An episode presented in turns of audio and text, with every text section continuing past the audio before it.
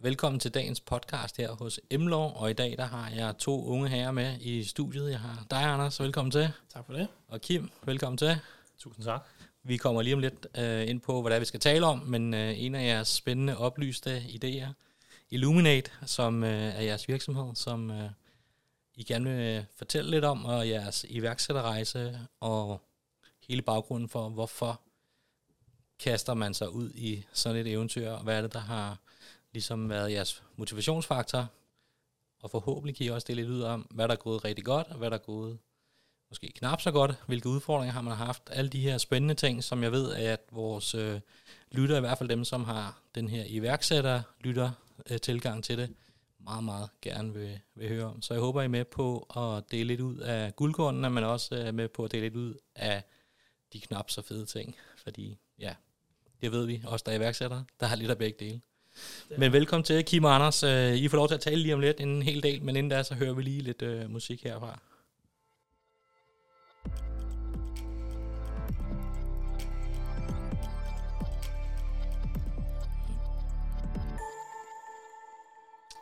Yes, det var kendingsmelodien her på, på podcasten, som vi har kørt med snart i halvanden år. Men øh, velkommen til begge to endnu en gang. Tusind tak. I siger bare, I bryder bare ind, som I har lyst til. Der er ingen regler her på podcasten. I skal bare dele ud alt, hvad I overhovedet har, og bare give den gas. Så er jeg sikker på, at der er en masse ude i den anden ende, der synes, det er mega, mega interessant. Jeg har i hvert fald glædet mig. Jeg lærte jo dig, Kim, først til her for nogle år siden at kende. Øh, hele vejen fra, kan man sige, vækstfabrikken i, i Køge, og så til, hvor I er i dag. Hvad var det, der gjorde, at du øh, kastede dig ud i det her eventyr som iværksætter og skulle starte Illuminate? Mm. Jeg tror, der er rigtig mange årsager til det.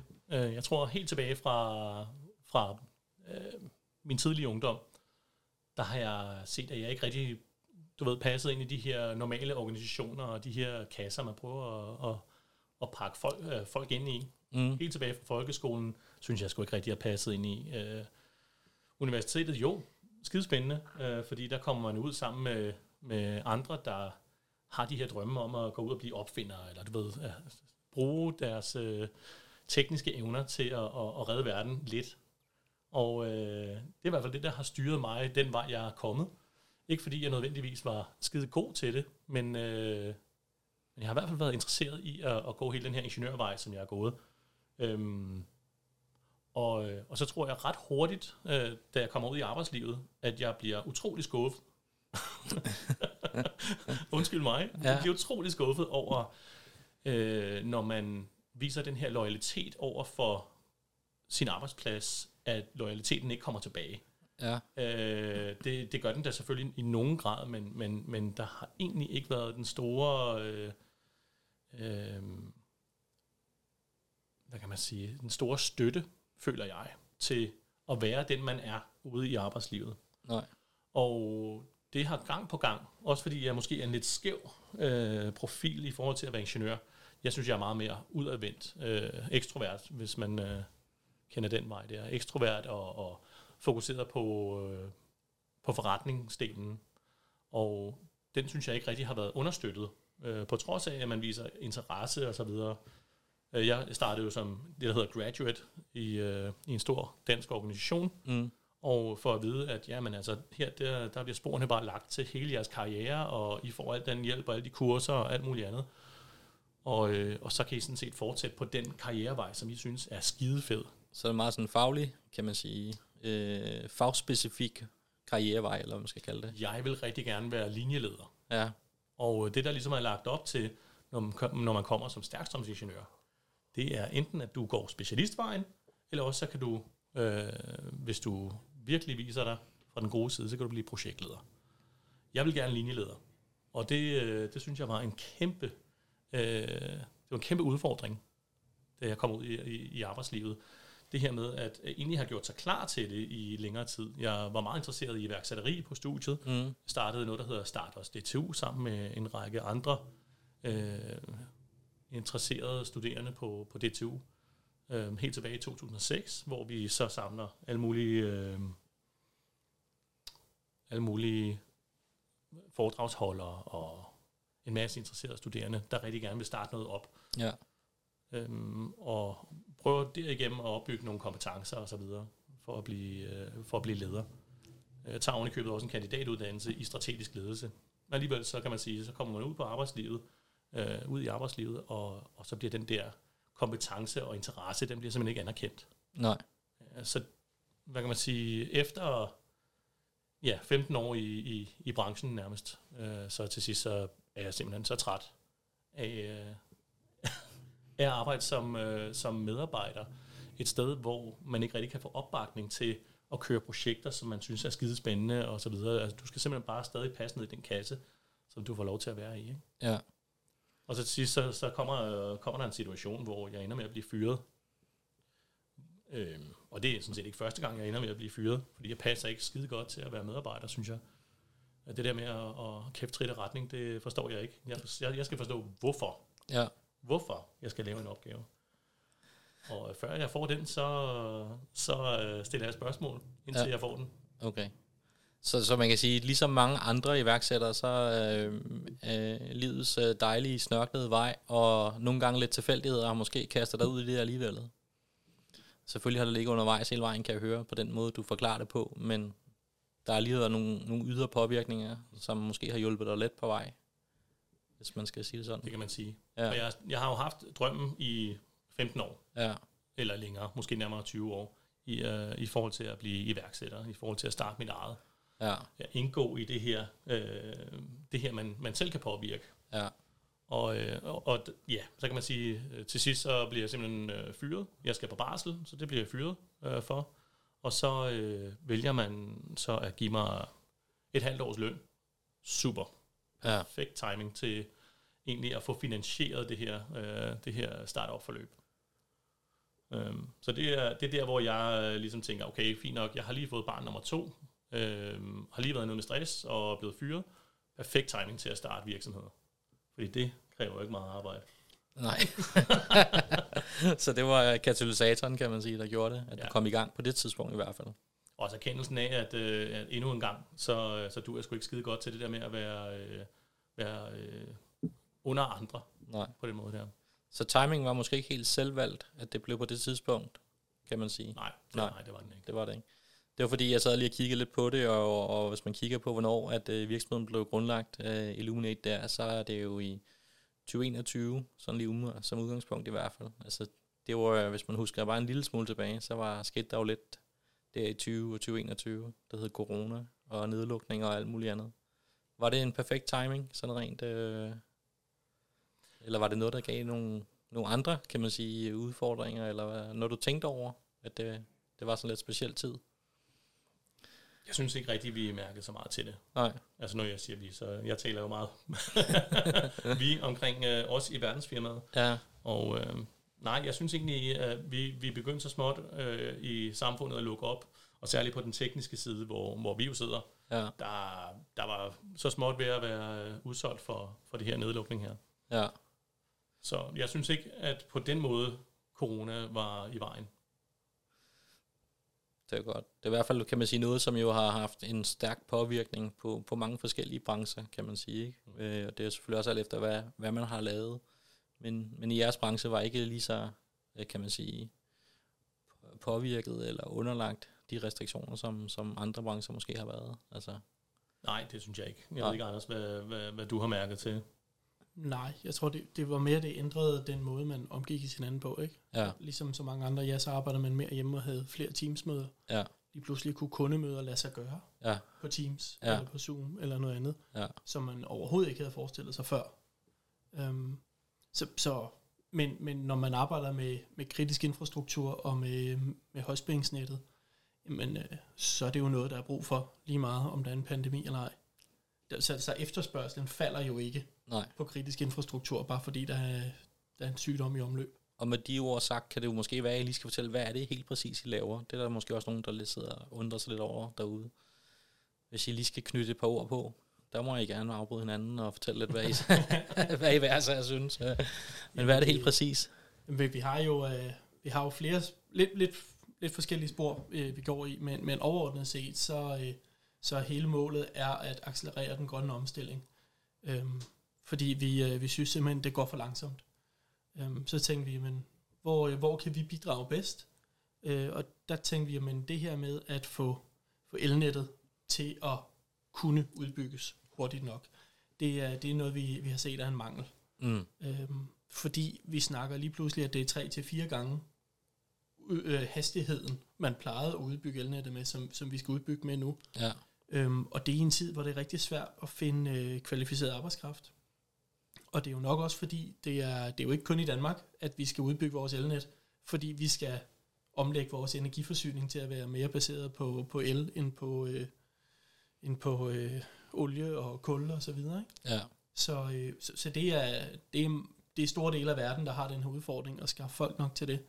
Og der har der er vi begge to i hvert fald den type, der vi, vi kan ikke rigtig lade være med at optimere noget. Hvis vi ser, at der er noget, der kan gøres smartere, så vil vi rigtig gerne gøre det. Og vi kan slet ikke sidde stille, Nej. hvis vi kan se, at noget kan gøres smartere. Og så vil vi rigtig gerne dele vores viden og fortælle, prøv nu at se her, det her det er meget bedre. Vi kan spare så meget tid. Øhm, og det, det er nok også derfor, at der, der er nogle organisationer, vi ikke passer så godt ind i. Nej. Men hvis I skal gå ned, så er det arbejder I med kritisk infrastruktur, og specielt kan man sige elnettet, det er det, er det der er jeres Ja. ja. speciale, eller hvad man skal kalde det. Lige præcis. Ja, Det er en erkendelse, en erkendelse af, at, øh, at, at, at her i moderne tid, jeg tror, det er kommet lidt bag på de fleste, at elbilerne kommer. mm. øh, der er stadig nogen, der tænker, nej, nej, det der det er, bare en, det er bare en trend, det går over, når du vil få hydrogen eller et eller andet pjat. Øh, men, men det kommer ikke til at ske. Øh, elbilerne er, er klart de mest effektive. Vi ser også, at varmeproduktion går fra at være forbrænding af alt muligt mærkeligt affald, øh, øh, Træflis. træflis, øh, olie og gas og så videre. Og det kommer også til at blive elektrificeret, fordi mm. det er den klart mest effektive måde at køre et samfund på. ja, Så samfundsøkonomisk, så hele den her elektrificering, der er i gang nu, det er alt transport, øh, særligt landtransport, kan man sige. Spørgsmålet er tung, øh, øh, tung øh, godstransport øh, øh, med både og, og, og fly og så videre. Det, øh, det er et spørgsmål om, hvornår det bliver elektrificeret. Men alt, der hedder landtransport, det kan elektrificeres meget effektivt. ja, Og det blev faktisk også det første projekt, vi, øh, vi endte med at, at sælge okay, og indgå i. ja, Ja. Så, så det er i hvert fald det er sådan, vi kan se, at vi kan gøre en forskel i at, øh, at få den grønne omstilling til at gå hurtigere. Det er Ja. ved at hjælpe andre med at være mere effektive i de processer, de har. Øh, og, og det er jo både når vi snakker kontrol og beskyttelse af højspændingsanlæg, det handler om, hvordan man udbyder nye højspændingsanlæg, det handler om, ja, det her med at elektrificere både jernbaner og, og elbiler og busser og, og, og hjælpe med generationen af, af strøm, ikke? om det er så fra solceller og vindmøller. Der har vi, der har vi været en del af, af mange forskellige projekter. ja, Men, men nøgleordet, det, det handler hele tiden om, hvordan kan vi strukturere arbejdet, så vi kan ligesom lave et design, lave et koncept en gang, og så få det til at køre mange gange. Fordi i vores branche, der, der har det været ofte sådan, at, at man ligesom har skulle starte mere eller mindre forfra hver gang. Det har været rigtig svært at genbruge nogle koncepter og genbruge nogle processer. Øhm, og tidligere, der har det ikke været det store problem. Så har det bare været lidt dyrere og kostet lidt flere timer, men det er ikke rigtig noget, nogen har mærket. Men lige pludselig, så begynder det jo at blive noget, der bremser den grønne omstilling, fordi vi mangler folk til at gøre det. ja. Øhm, så der vil vi gerne inspirere og oplyse i, hvordan man kan gøre det smartere. Og du hoppede med på rejsen her sidste år, eller her i år, er det vel Ja. ja. reelt set. Øh, og hvad var det, der fik dig til at gå ind i, i det her, kan man sige, projekt her, og hvorfor forlade din sikkert faste stilling i et større energiselskab, eller hvor du har været hen før, til at så blive øh, med på rejsen hos Kim og selvstændig? Og, Jamen, jeg har jo kendt Kim i, i en hel del år efterhånden, Ja. og, øh, og han har jo presset lidt på igennem årene og fortalt meget entusiastisk om, øh, om hvad Illuminate er, og de gode tanker for, for at være lidt anderledes. Øhm, og så tror jeg, jeg var, øh, jeg var nok bare gået, gået lidt død i, i det her øh, big corporate, øh, den her store organisation, jeg var en del af. ja, Det var, øh, det var egentlig et dejligt sted at være, og med en, nogle dejlige kolleger og så videre. Men, men når man har den der trang til at, at påvirke processerne og påvirke koncepterne og, og gøre alting smartere, så kan man godt øhm, komme lidt på tværs i en stor organisation nogle gange. mm. Øhm, Altså nemmere nu, når I er små. det synes jeg. Men, øhm, men det har så sine egne udfordringer også, ikke? At, øh, lige pludselig så er det jo os, der står med det hele. Ja, Øhm, Men, øh, men vi kan meget bedre påvirke, også fordi at det vi, det vi sælger os ind som, det er, at vi kan komme og inspirere til at arbejde på en anden måde. Ja. Så det vil sige, det er det, vi bliver hyret til at gøre. Og så er der jo en, ligesom en anden accept af, at det er det, man skal gøre. Så er man ikke på tværs, når man kommer Nej. med de nye idéer. Så er det faktisk det, man er der for. Ja. Og det kan jeg rigtig godt lide. Mm. Så jeres innovative gen, det, øh, det bliver accelereret, kan man sige, at AI lige pludselig er blevet små i forhold til, hvad I har været før. Ja, den, den, den får fuld smadret. Det må man sige. Nå, men nu følger jeg på LinkedIn, og jeg kender jer selvfølgelig også indenfra kvæg nogle, nogle andre opgaver her internt i huset, men, men, men der er der ingen tvivl om, at øh, jeg synes, det er utrolig inspirerende at, at læse og se jeres øh, LinkedIn-opslag, som også virker meget sprudlende og levende, og der er ingen tvivl om, at det er rigtige mennesker, der er bag i hvert fald, når man ser dem. Jo, tak. Ja. Ja, det er rigtig fedt. Hvordan kan to ingeniører finde ud af at lave sådan noget? Jamen, det er jo fordi, ChatGPT. ja.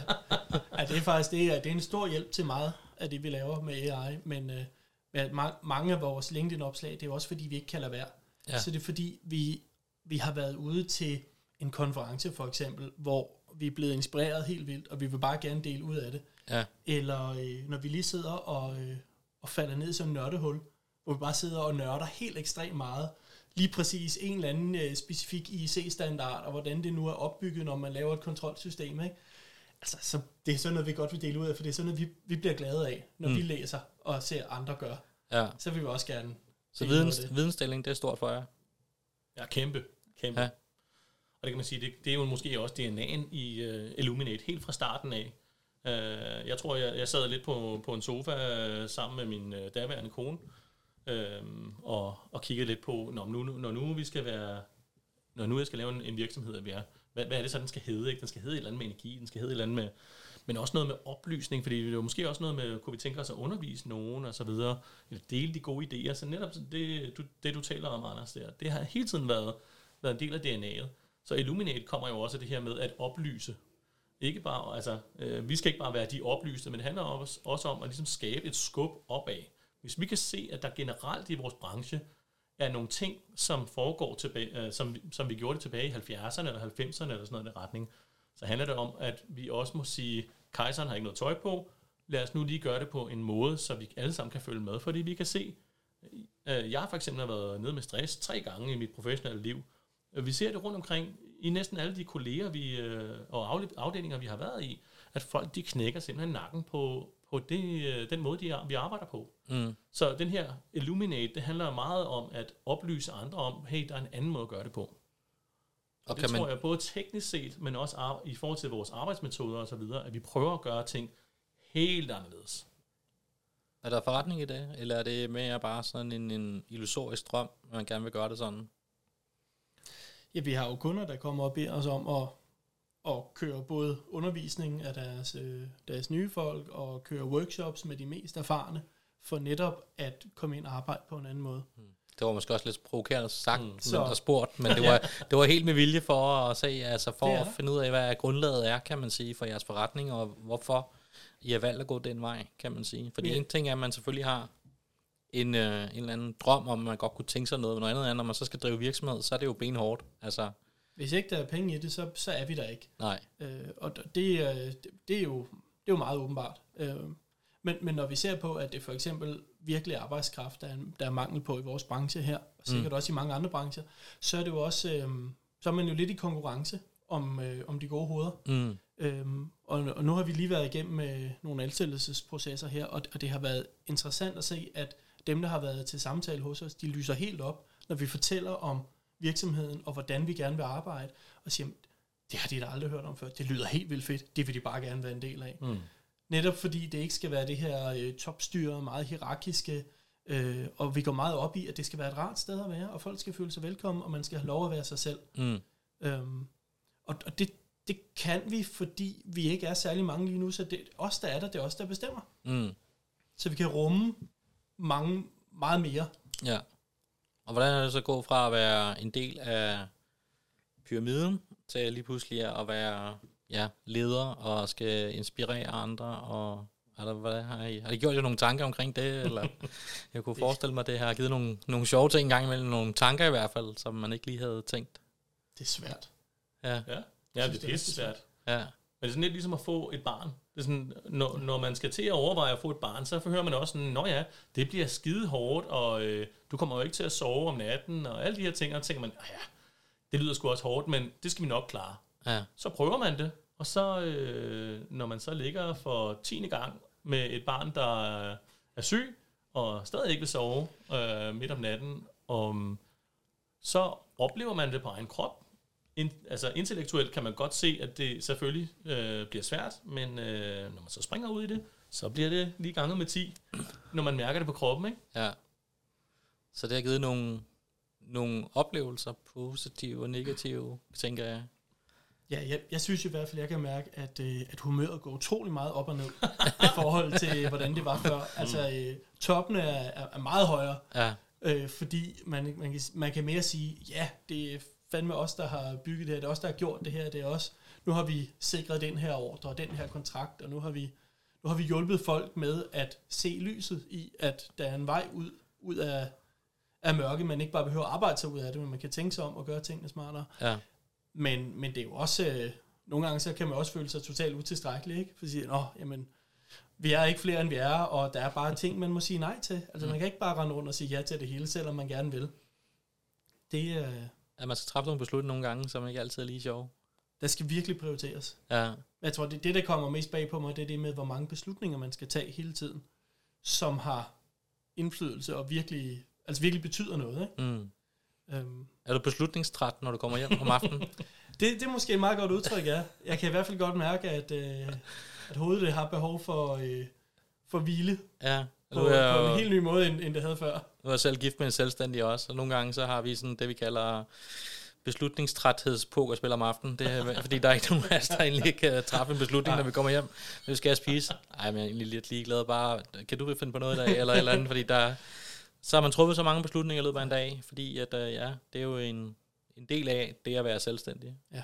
Men som du også siger, og I siger, jamen, når der så sker noget godt, så er det bare 10 gange sjovere. Ja. Altså, Jeg tror i hvert fald, det vi, det vi har været meget klar på, helt fra starten af, det er, at, at vi, vil, vi vil prøve ikke at være flaskehalse. Ja. At vi vil rigtig gerne uddelegere øh, ansvar og beslutningskompetence. Øhm, fordi det nytter ikke noget, at, at vi to skal have det sidste og skulle have sagt i alle sager. nej. Vi er, vi er langt fra de mest kompetente til alt, hvad der bliver lavet i den her virksomhed. Og det vil vi, som virksomheden forhåbentlig kommer til at vokse, så vil vi i mindre og mindre grad være dem, der ved mest om et emne. Ja.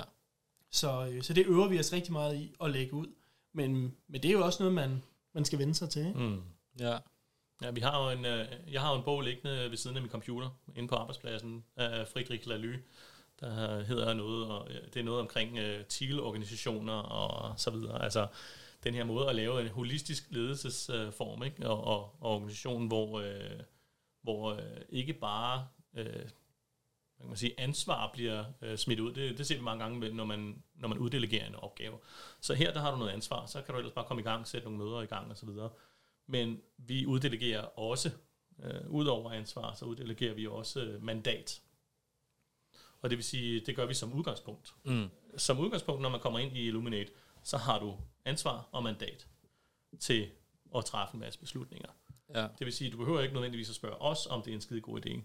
Øh, det handler om, at du forstår, at du også lige skal bruge en øh, rådføringsproces, hvor du spørger de folk omkring dig, som er meningsfuldt påvirket af din beslutning.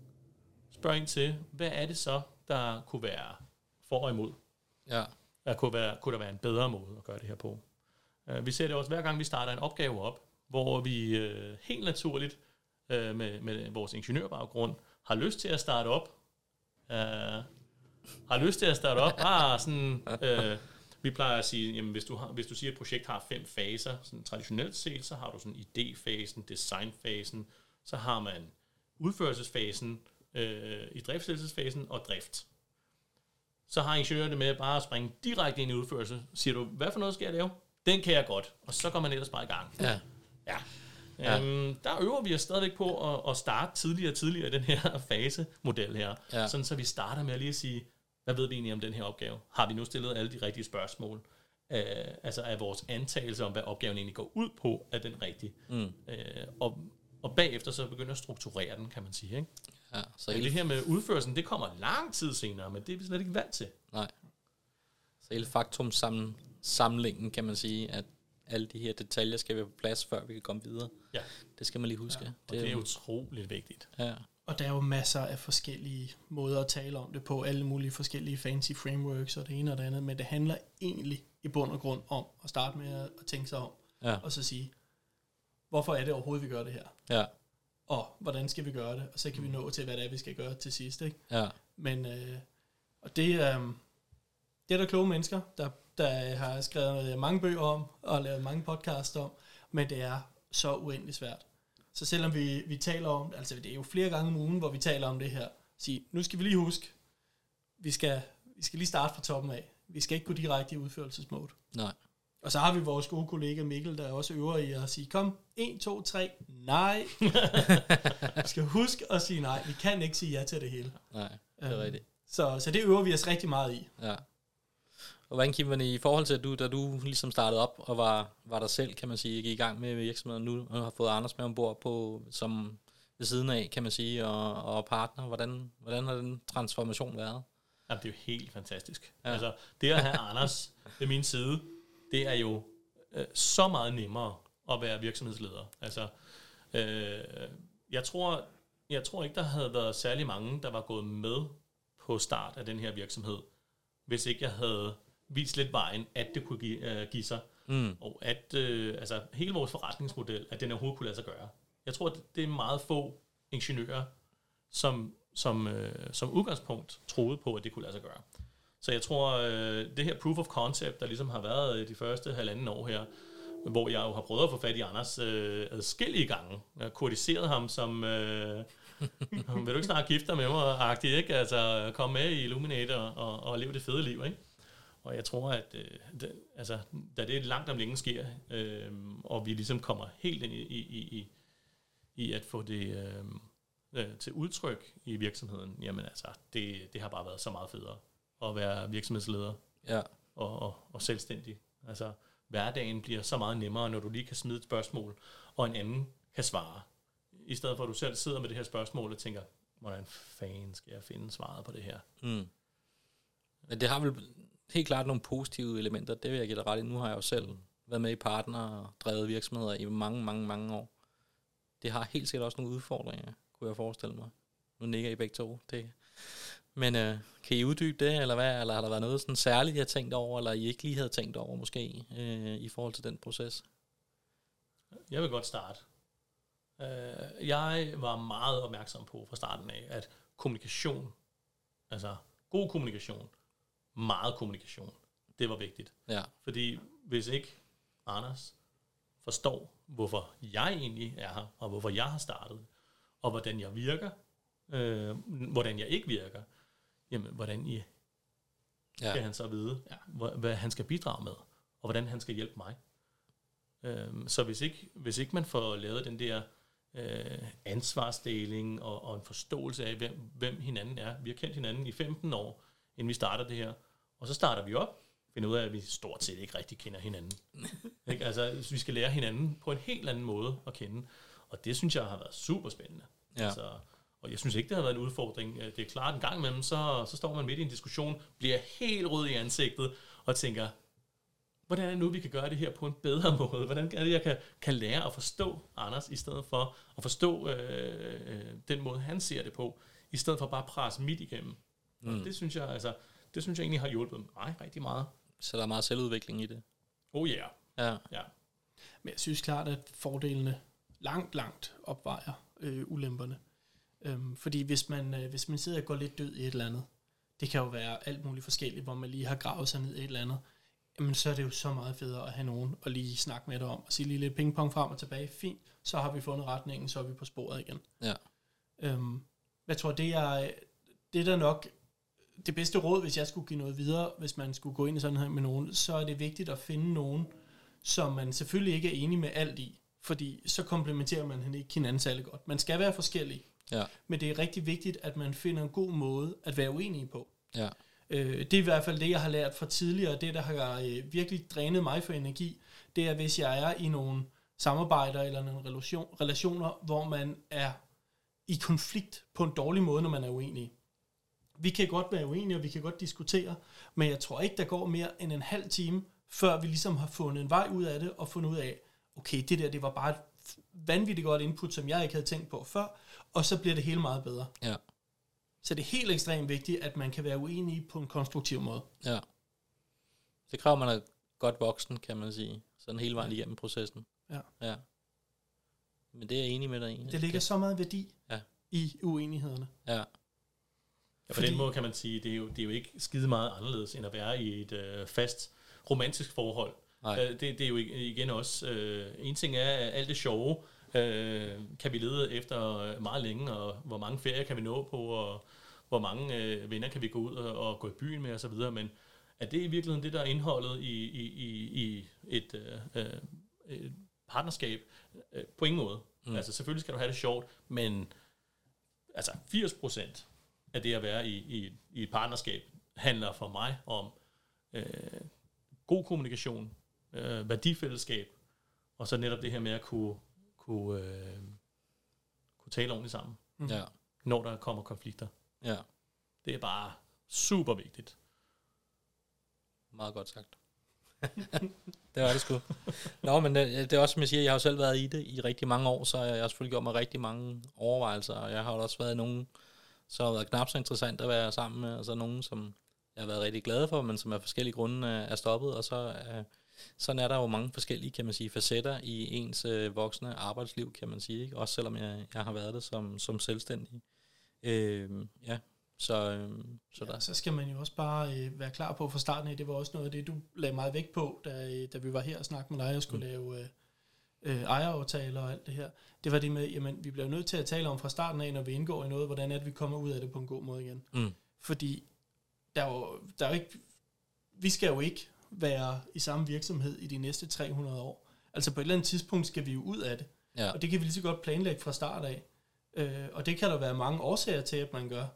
Øhm, men, men, men det tror jeg, det, det er nok en, en, en vigtig del at have med også. Ikke? jo. At, øh, at, at det kan man lige så godt starte med fra starten af og planlægge, hvordan det kommer til at ske. Ja, enig. Hvis vi tager lidt et sceneskifte herfra, kan man sige, så kan det være, at vi kommer tilbage på nogle gode råd og tips her til sidst også. Men hvordan, øh, hvad er konkurrencen for jer? Hvem, hvem er det? Er der andre, der er ligesom jer, eller er I helt fuldstændig unikke, eller hvordan ser det ud for jer? Altså, Det vil være sådan en traditionel, øh, uerfaren iværksætter ting og, og sidde og sige, nej, nej, vi er unikke. Der er ingen, der er i konkurrence med os. Vi, øh, vi er, det er Blue Ocean. ja, Der er aldrig nogen, der har gjort noget lignende. Nej, øh, vi har helt klart konkurrenter. Øh, og, og hvad kan man sige, øh, det vi også har, altså vi har jo omkring 3-4 forretningsben, hvis vi skal være helt ærlige. Øh, en ting er det her, som Anders rigtig meget snakker om, det her med forbedring af arbejdsprocesser. Det er simpelthen øh, en af vores forretningsben. Det ligner jo rigtig meget management consulting, Mm. teknisk management consulting, hvor vi, vi bruger rigtig meget øh, altså vores best in class tekniske viden, øh, repræsenteret i, i Anders blandt andet. Øhm, men i den grad hænger det også sammen med, at vi kan noget inden for forretningsledelse. Og det, øh, hvis vi kigger på de andre teknikere rundt omkring, øh, de andre ingeniører, rådgivere osv., øh, så jo, så skal du op i en ret stor rådgivende ingeniørvirksomhed, før de kan noget med forretningsledelse. Men det er meget sjældent i de her lidt mindre projekter, at de folk de bliver blandet ind i processen. mm, Så er det jo bare læring. Så er det jo bare et kursus. Jo, jo. Rigtigt. Men, øh, men hvordan, øh, hvordan lærer du en gammel hund nye tricks? Det er ikke så nemt. nej, Og det er øh, rigtig mange af dem, vi arbejder med, er gamle hunde, der skal lære nye tricks. Øh, og, og, og, og det kræver altså en, en særlig... Øh, en særlig forståelse, en særlig respekt for de mennesker, vi sidder overfor, øh, som man ikke umiddelbart kender, hvis ikke man kender til, øh, til mennesker. Og Jeg det tror tror jeg også, der- det, undskyld. Der er mange i vores branche, der har, der har oplevet forskellige forsøg fra deres ledelse på at få nogle management-konsulenter ind, eller nogle proceskonsulenter ind. Øhm, fordi man har nok set rundt omkring, at, at der var et behov for at gøre noget anderledes. Men problemet er, at dem, der er kommet ind, de har så ikke overhovedet haft nogen respekt fra, øh, for dem, de skulle lave forandringsledelse for. Mm. Øhm, fordi de ikke kendte deres hverdag. Og jeg tror, det er der, hvor vi skiller os lidt ud, fordi men vi har jo selv været ude på transformerstationer og i driftsat de her systemer, og vi har selv været med til at designe dem og regne på dem. Så vi kender deres hverdag, så vi taler det samme sprog, så når man sådan lidt kommer, og, og, og nogle gange så kommer vi også ind og lige skal bevise vores værd først på den tekniske side. Og når vi har bevist, at vi godt kan snakke med, og vi godt kan forstå teknikken, så kan man godt blive lukket lidt ind i varmen, mm. og få lov at snakke processer. Øh, men men øh, vi, vi prøvede på et tidspunkt med, med nogen, vi godt vil, vil arbejde med, og så gå direkte til at snakke processer. Det var ikke en stor succes, øh, fordi vi havde ikke bevist vores værd på teknik. Så, så, så deres holdning, det var sådan, at vi har styr på vores processer, det behøver vi ikke hjælp til. Nej. Øh, men det er noget andet, hvis du har været med til at lave projekterne hos dem, og du har oplevet deres processer, så kan man med meget større selvsikkerhed sige, vi kender jeres processer detaljeret, vi har nogle forslag til, hvordan det kan blive smartere. Ja. Øh, så det er ret sjovt. Ja. Øh, og, og det tror jeg, det, det er lidt unikt, øh, i hvert fald hvad jeg kender til i Danmark. Ja. Så er vi jo lidt ude i, i den store verden og, og snakke med andre, der har det samme mindset. Så, så der er helt klart andre ude i verden, der også gør det her. Ja. Det er meget sådan internationalt i arbejdet, eller er det mere nationalt, eller hvordan? Eller bliver, begynder det at blive mere og mere det ene, eller mere og mindre det andet? Eller? Det er vores fokus at blive international. Ja. Helt klart.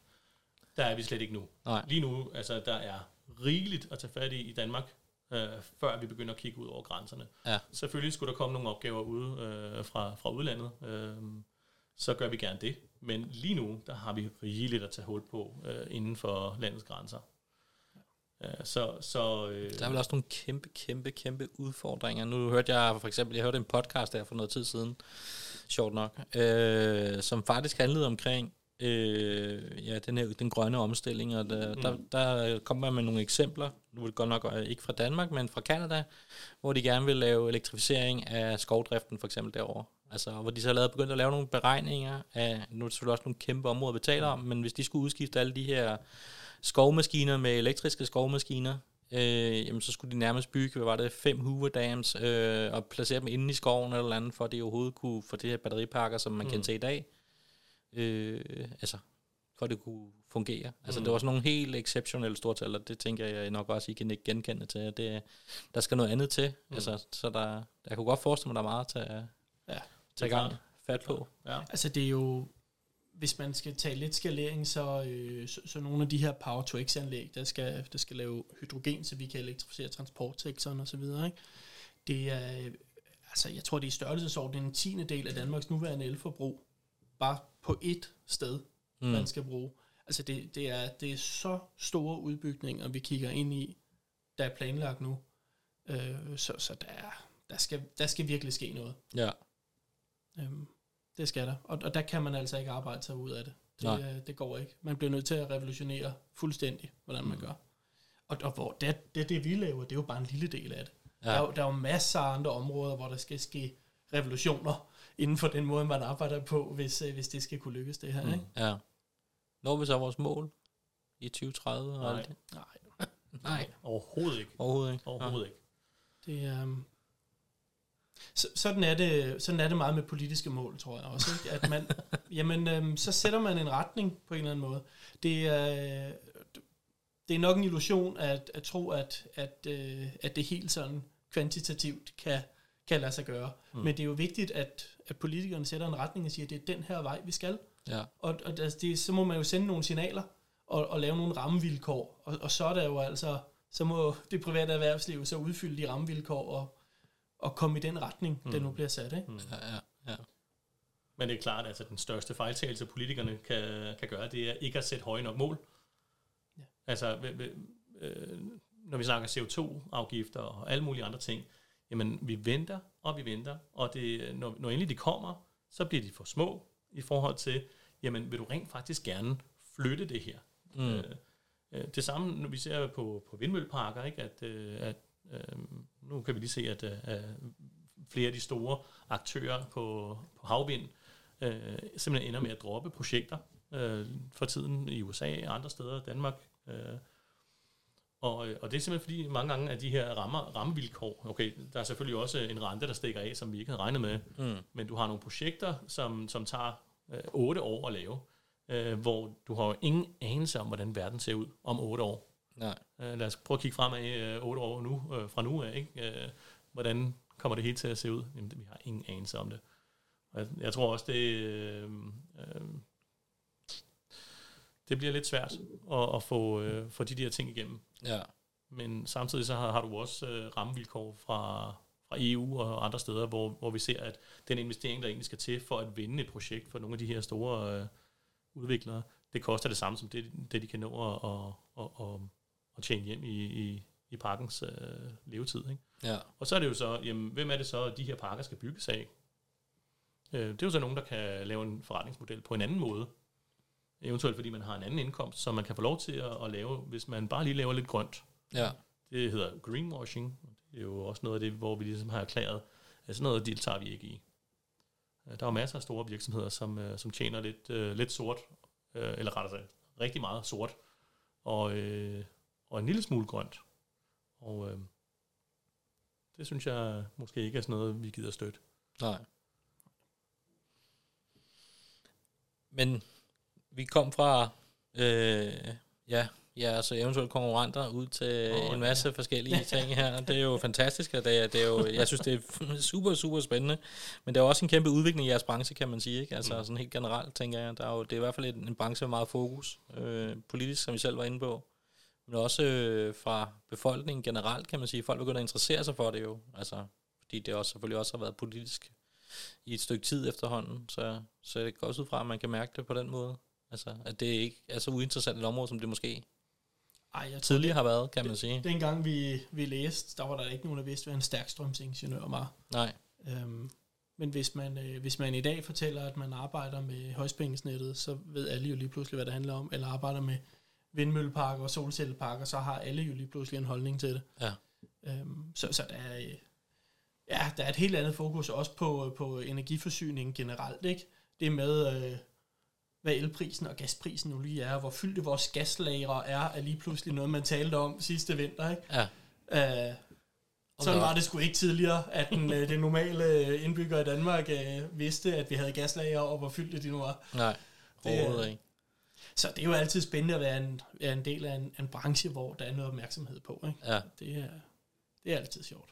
Og gør det noget i forhold til, tænker I, i fremtiden? Altså bliver, tror jeg, det er en, en branche, hvor flere søger ind, eller det er stadig stadig øh, en, må jeg kalde jer lidt for nørder inden for et specielt område, eller hvad? Eller uden at det skal lyde negativt? Altså, jeg synes, hvis man bare ser på, øh, på kønsfordelingen på, øh, på studierne, altså, da vi læste, der var der måske en-to kvinder om året, der synes, de overhovedet ville overveje, hvad stærk strøm var for noget. Øhm, men efterhånden som uddannelserne, de er, har fået et, et lidt mere bredt fokus, hvor man også taler nogle af de her samfundsøkonomiske modeller og hele energisystemet osv., jamen så er der jo lige pludselig kommet meget større interesse fra større dele Mm, af, af befolkningen til at læse ingeniør, og det er jo det, vi har brug for. ja, Vi har brug for, at der er flere, der får lyst til at læse de her naturfaglige, naturvidenskabelige øh, studier, fordi vi har brug for de her mennesker, der ved noget om det. ja. Så øh, der er en udvikling på vej. Det er der helt sikkert. Ja. Altså vi, vi kan jo, øh, vi, nu har vi øh, haft øh, en, en del studerende fra, øh, fra DTU, der har, der har søgt vores øh, studentermedhjælperstilling, og vi har slået op her. Mm, Og det er jo fantastisk at se, hvordan folk kommer fra hele verden for at læse på DTU. mm, fordi de har hørt, at det er her, man ved allermest om den grønne omstilling. Øh, jeg kan ikke huske, var det, var det Europas bedste tekniske universitet, de blev kåret til her i sidste uge. okay. Øh, og de, altså, de er jo kendt i hele verden blandt ingeniører for, at det er her, hvis du vil noget med grøn omstilling. Så Ja. kommer du til Danmark. Så kommer man til Danmark. Det, er- det er sgu lidt sjovt, ikke? Ja, Øh, Mm. Så, så øh, det er jo, det var jo, hvad var det? 20 forskellige lande, vi fik ansøgninger fra, ja, eller sådan noget, ikke? ja. Altså det, det er jo sgu meget sjovt. så der går I vel også fra at være en dansk virksomhed til en, i hvert fald internt, en international øh, virksomhed, så Ja, klart. med de øh, nye medarbejdere, I, I så er i gang med at få. Ja. Ja, Vi kommer til at gå til et sted, hvor 50% af de ansatte, øh, der sidder i Illuminate, de taler engelsk. ja, Så vi er i en proces lige nu, hvor vi, øh, hvor vi omdøber alle vores interne dokumenter og, og så videre, ikke? så øh, de går fra dansk til engelsk. Ja. Det er jo fedt. Simpelthen. Og det er jo også lidt i tråd med, med det, du nu nævner her, ikke? Altså, om interessen nu er der for, øh, for øh, stærk strøm eller hele energibranchen her. Mm, Og ja, bestemt er den det. Øh, det, det man kunne sige, øh, som man godt kunne ønske sig lidt, det var, at øh, rigtig mange af de store selskaber i den her branche, de render rundt og råber vagt i gevær for, oh, vi har ikke arbejdskraften. Øh, vi kan også se øh, øh, sådan nogle som Moderaterne nævner også, at øh, vi har ikke arbejdskraften til den grønne øh, omstilling og så videre. Øh, men hvem er det, der gør noget ved det her? Altså, i de selskaber, vi ser rundt omkring, jamen, øh, det ene elselskab skal bruge 300 øh, ansatte øh, inden for de næste 5-10 år. Det næste skal bruge 1000 eller 5000 og så videre. Ikke? Hvis du ser nogle af de store udviklere, de kommer til at vokse så voldsomt. De skal bruge adskillige tusind medarbejdere, og, og man kan sige, ja, det er fint. Hvem skal hjælpe med at uddanne dem? Skolerne, øh, altså gymnasierne og, og, og, og øh, øh fagskolerne og, og universiteterne. Spørgsmålet er, om de kan nå det. Mm.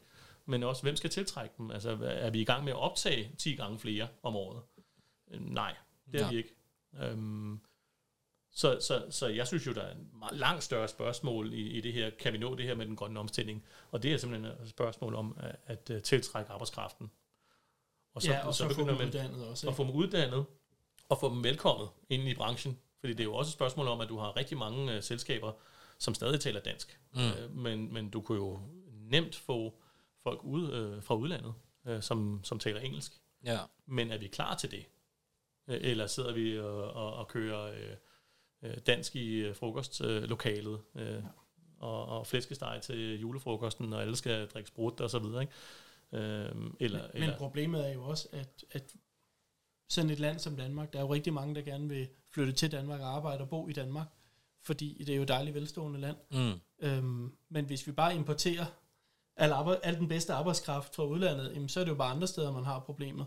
Og, øh, og grøn omstilling, det er altså noget, der så kan fungere i hele verden, for det er jo lige mm. meget, om vi udleder klimagasser i Danmark eller i Indien, eller, altså det er det samme klima, det går ud over. Ja. Så, så jeg tror også, vi bliver nødt til at indse, at det er altså et globalt problem, det her, der skal løses globalt. Mm. Og hvis vi skal gøre en forskel i Danmark, så skal vi vise, at der er forretning i at lave grøn omstilling. Det skal kunne betale sig. Fordi så snart det kan betale sig, og vi kan vise det, så kan de her, så behøver vi ikke øh, arbejde særlig hårdt for at eksportere de her idéer til andre lande. Nej. Så kommer det helt af sig selv. Jeg tror, det, det er det, der må være budskabet til vores, øh, til vores politikere, hvis der er nogen, der lytter med. Ikke? Ja. Altså, vi skal have uddannet nogle flere, der kan hjælpe til med den grønne omstilling, med de ekspertiser, der er nødvendige, og så skal vi vise, at det kan betale sig. Og der må man jo arbejde sammen, så man både laver nogle politiske rammevilkår, der gør det muligt, men så man også får industrien til at vise vejen og være innovativ. Ja. Så man kan lave god forretning på grøn omstilling. Ja. Jamen, der er ikke noget i vejen for god gammel kapitalisme. Det, skal, det får altid bredt uh, budskab ud effektivt, kan man sige.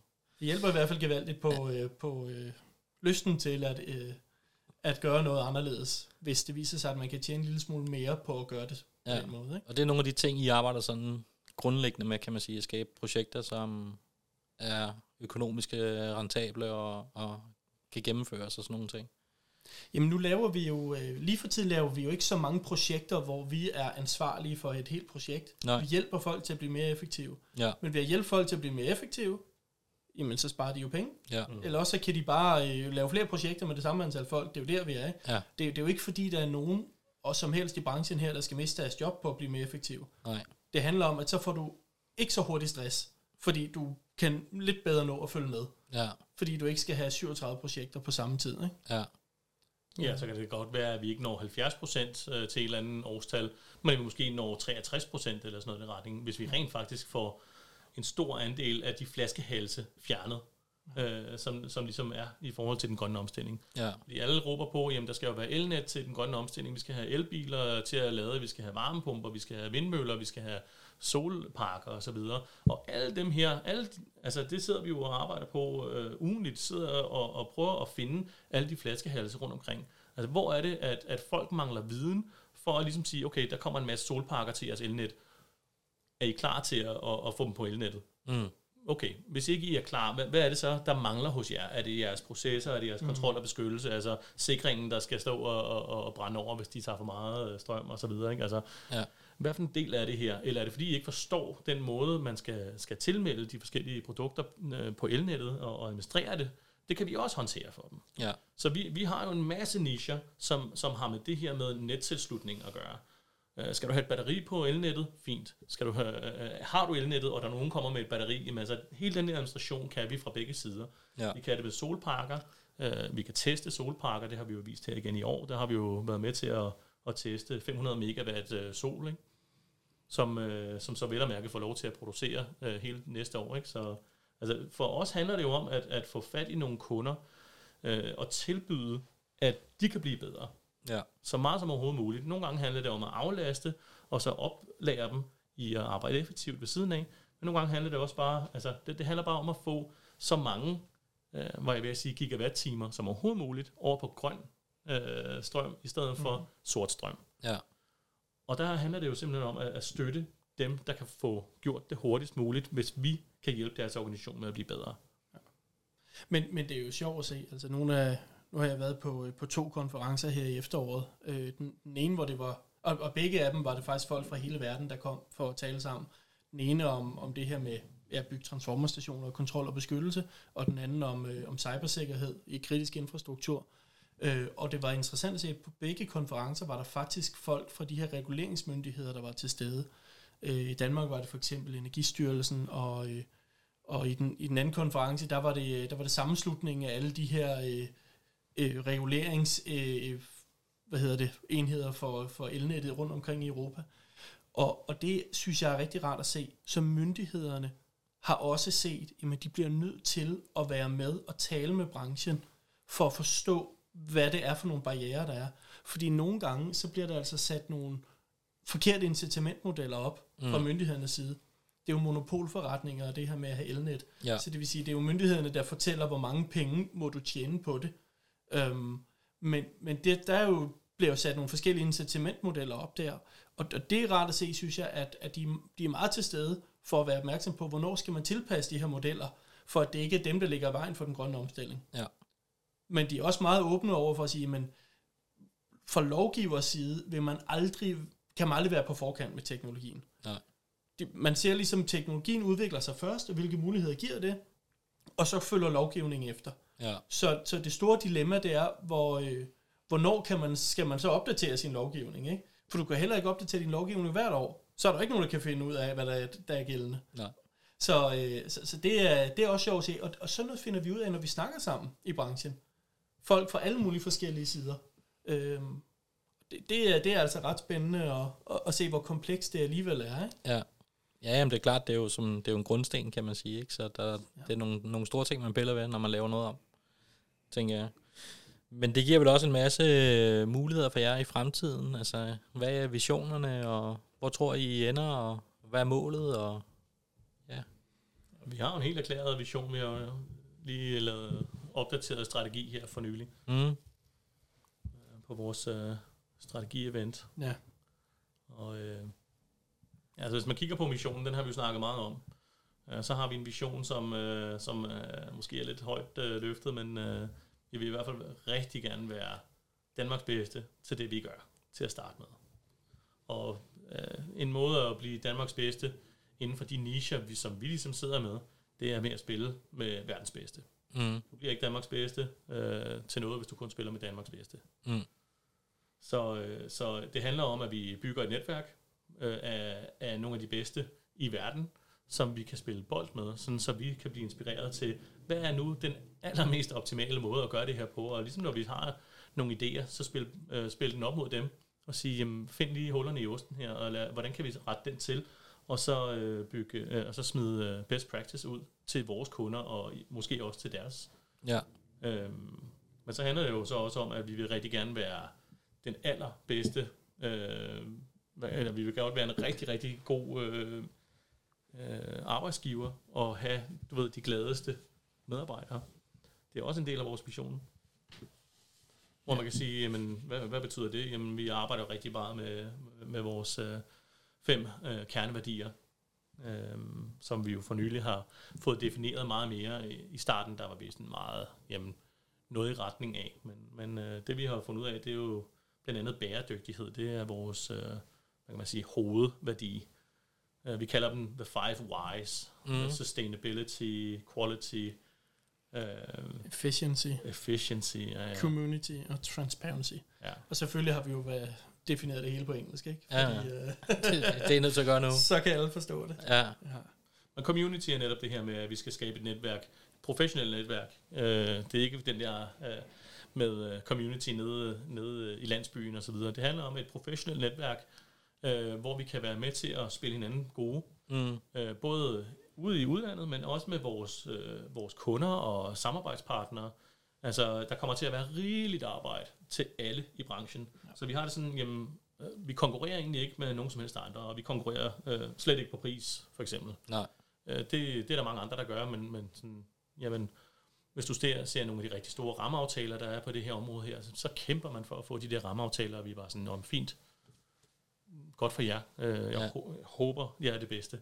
Men der er tusind andre steder, hvor der også skal sættes ind. Ja, Øh, så så øh, og, og ligesom være med i, i det community, der, der ligger øh, for rådgiver og for entreprenører osv., det, det er også noget, vi rigtig gerne vil. ja, Og så er det gode, når man arbejder med, med især øh, elnetselskaber, det er jo, at de er ikke i konkurrence med hinanden. De skal jo ikke sælge strøm til forbrugerne. De skal Ja. drive elnettet. ja, Det blev jo delt op for en del år siden nu. Ikke? Så det betyder, at, øh, og det er også noget, jeg har gjort i mit tidligere job, være med til at samle de her og, og vidensdele. Øh, og det, vil vi, øh, det er vigtigt for os stadigvæk, det her med at vidensdele i branchen, fordi udviklingen går så stærkt lige nu. Og vi får så nogle fede teknologiske muligheder igen for at være mere effektive. Og så kan man lige så godt dele den viden med hinanden. Fordi naboelnetselskabet, de kommer altså ikke at tage dine kunder, vel? nej. Så, så der er helt åbne, åbne skodder der til at, til at hjælpe hinanden med at blive bedre. Ja, Øh, og, og det er jo en meget konservativ branche, så, så man, er, man er meget nervøs for at komme til at gøre noget, der ødelægger stabiliteten i elnettet, eller gør, at en højspændingsfejl ikke bliver koblet ud på de få millisekunder, det nu skal. Så, så derfor er man meget opmærksom på i branchen, at man, man skal altså sikre, at kvaliteten er i orden, når man tester nye koncepter. Ja. Man sætter sgu ikke noget i drift, som man ikke er 100% sikker på virker. nej. Øh, og, og det trækker så lidt i en anden retning, at, at så kan den grønne omstilling ikke gå så hurtigt, hvis alle skal undersøge alting til bunds. Mm. Og det kan det her fællesskab jo løse, ved at man deler viden og siger, nu har jeg undersøgt det her og testet det, det tror vi på, det kan I godt gøre. Så kan man meget hurtigere komme igennem sin valideringsproces og stole på den nye teknologi, ved at, ved at lytte til andre.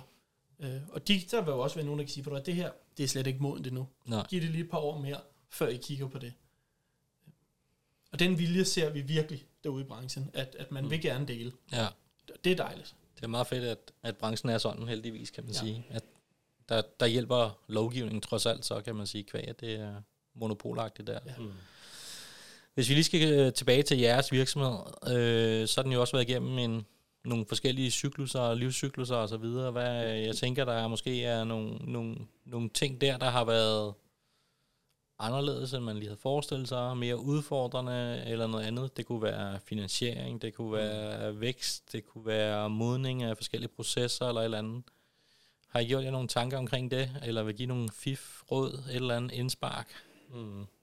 Ja, altså jeg, jeg tror godt, jeg vil starte den der, fordi i virkeligheden så, øh, jeg tror en af de ting, der har været de største øh, risikofaktorer, øh, det er at teste et marked af, og øh, øh, hvad kan man sige, det her med stedigt og, og, og, og fortsætte og fortsætte og fortsætte, og på et tidspunkt skal det nok gå godt. På et tidspunkt, så må man også bare indse, at, at timingen er ikke til det. Øh, Illuminate startede jo øh, efter, at jeg havde været transport- og infrastruktursegmentmanager Mm. i en større øh, øh, man kan man sige, leverandør af, af komponenter og så videre.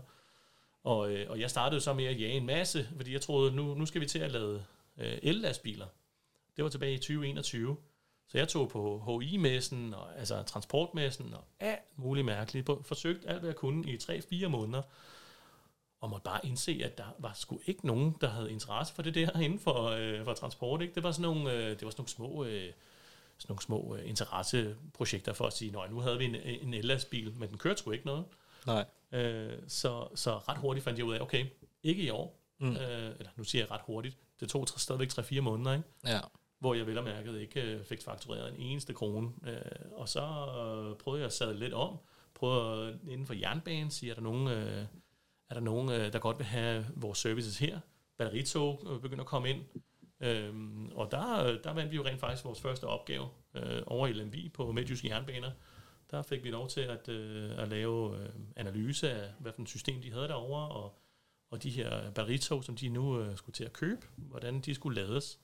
Så der designede vi en, øh, en ladeløsning, øh, løsning, øh, hvor man kunne lade med en masse megawatter, med et stort batteri og med sol på taget og så videre, og hvordan man så kunne spare penge på, på det. Ikke? Mm.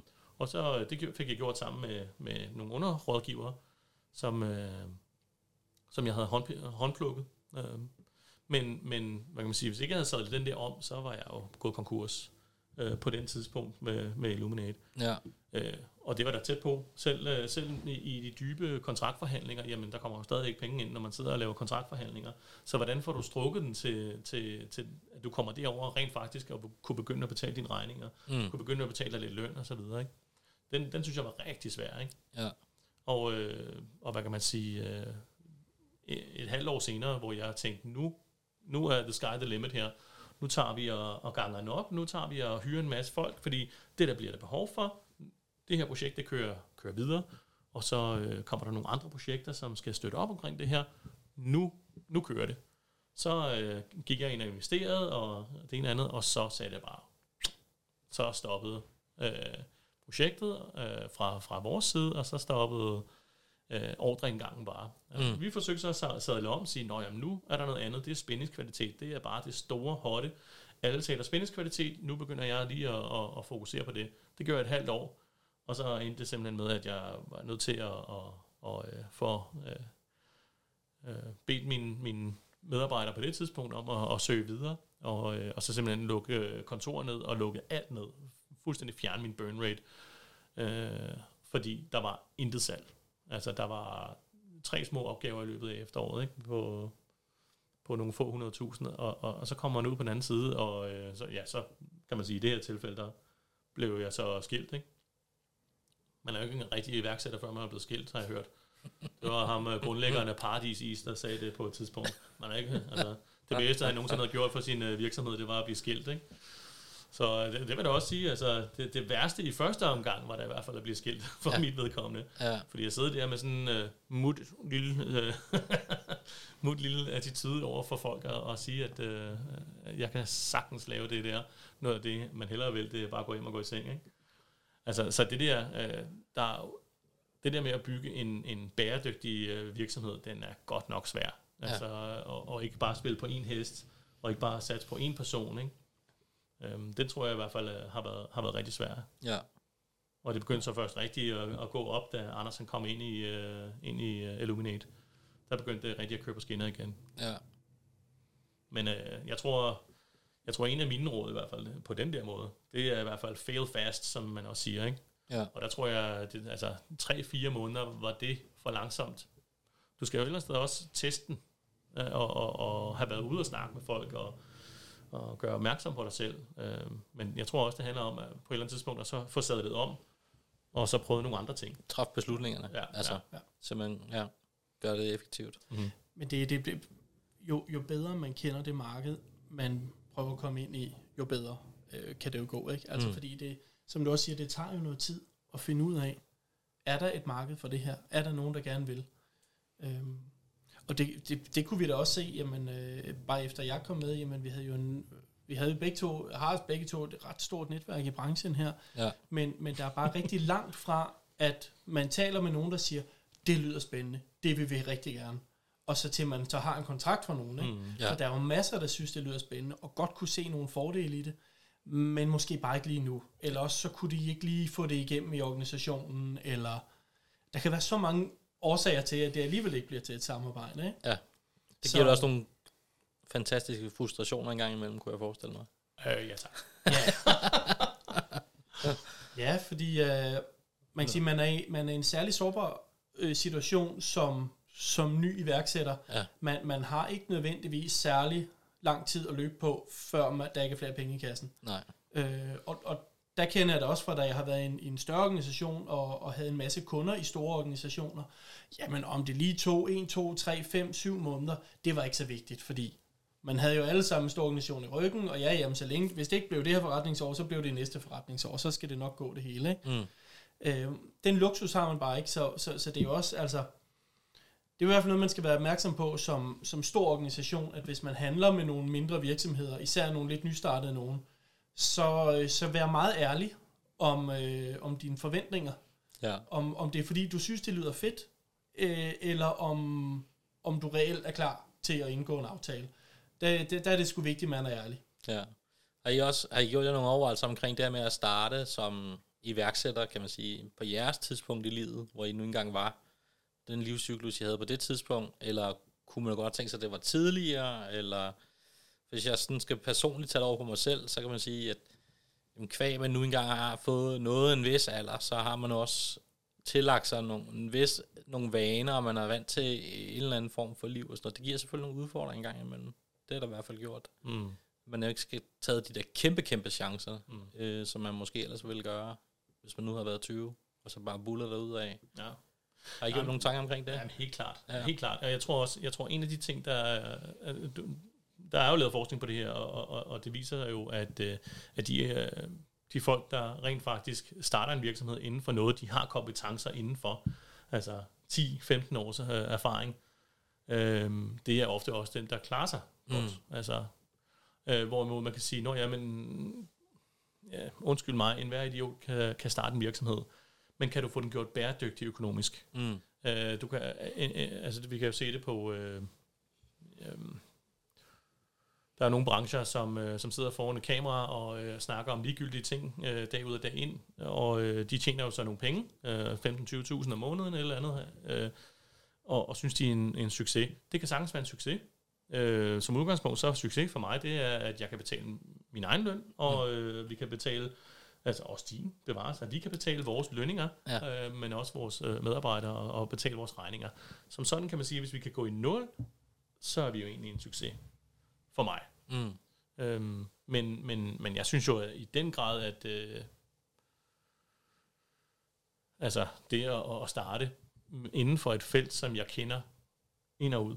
Altså jeg har, jeg har både været i, i, i, kunde, i flere kundesituationer, jeg har været i sælgersituationer, øh, leverandører, jeg har været underviser inden for det.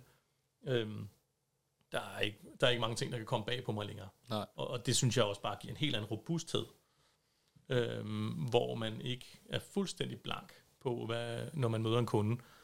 Altså det at sidde over for en kunde og tage deres tid, og også øh, lade det være det værd for dem at mødes med dig, det synes jeg øh, betyder meget for mig. Ja. Jeg kunne godt have tænkt mig at starte før, men, men hvad skulle jeg så have solgt træsko, eller altså, jeg ved, vidste, jeg ved ikke, hvad jeg skulle have tjent penge på. Nej. Ej, det vil jeg give dig ret i. Det, er- det hjælper utrolig meget, at, at man har sit, sit netværk i forvejen, og at man har været i mange af de her situationer selv. Ja. Øhm, og også bare, at man har et repertoire af røverhistorier, hvor man kan bonde lidt med, med sine kunder, fordi jamen, de situationer, de fortæller, de stod i i sidste uge eller sådan noget, jamen, det kan man genkende, for det har man jo selv stået i for et par år siden eller et eller andet. Ikke? Det hjælper bare lidt på den der respekt, at det sådan, så bliver man taget seriøst, at okay, du ved, hvad du taler om. Ja. Øh, altså, jeg har da også haft kolleger, der, der prøvede at komme ind i branchen, som, som kom fra en, en lidt anden branche, og så skulle ud og, øh, og, og prøve at sælge nogle af de systemer her.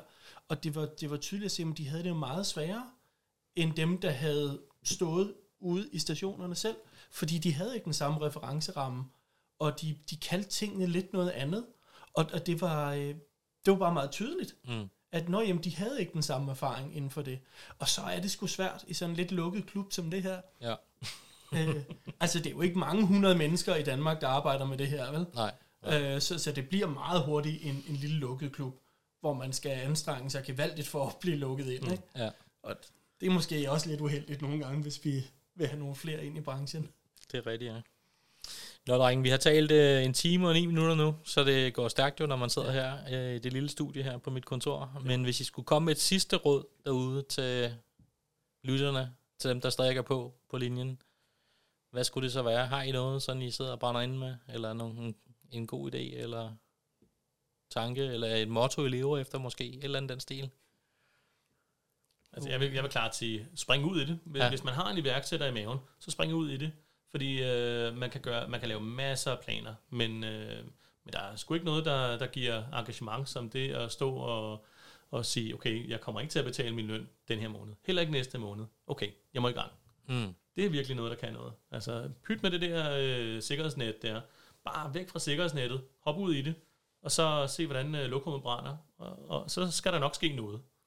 Og hvis man så ikke kan finde ud af at, at sætte det om til, til en, en eller anden form for omsætning, ja, så har man sgu da prøvet det. Og så kan man øh, sætte sig tilbage øh, foran en computerskærm og sige, nå ja, det var det. Det var ja. drømmen. Øh, det var sgu ikke så fedt. Så vil jeg hellere sidde her. Ja. Men om ikke andet, øh, altså, man, får, man kommer ingen vej, hvis ikke man starter. Nå. Ej, og gør det, man er passioneret indenfor.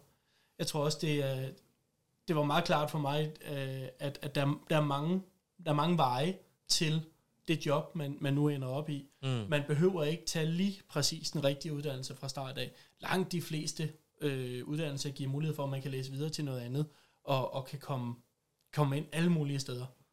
Så gør det, man brænder for. Ja. Fordi det, man virkelig brænder for, det er det, man bliver rigtig god til, fordi man kan ikke lade være med at blive god til det, når man brænder for det. Mm. Og så, skal man, så må man jo finde vej at tjene penge på det, øh, på det, man virkelig godt kan lide at lave. Ja. Fedt. Jamen, øh, I skal have tusind tak, fordi I gad at komme og bruge jeres tid her. Jeg er sikker på, at der er rigtig mange derude, der bliver vældig inspireret. Jeg er i hvert fald blevet det i hvert fald, og har fået lidt større indblik i, hvad det er, I rent faktisk laver. Øh, det synes jeg er fantastisk. Så tusind, tusind tak, begge to.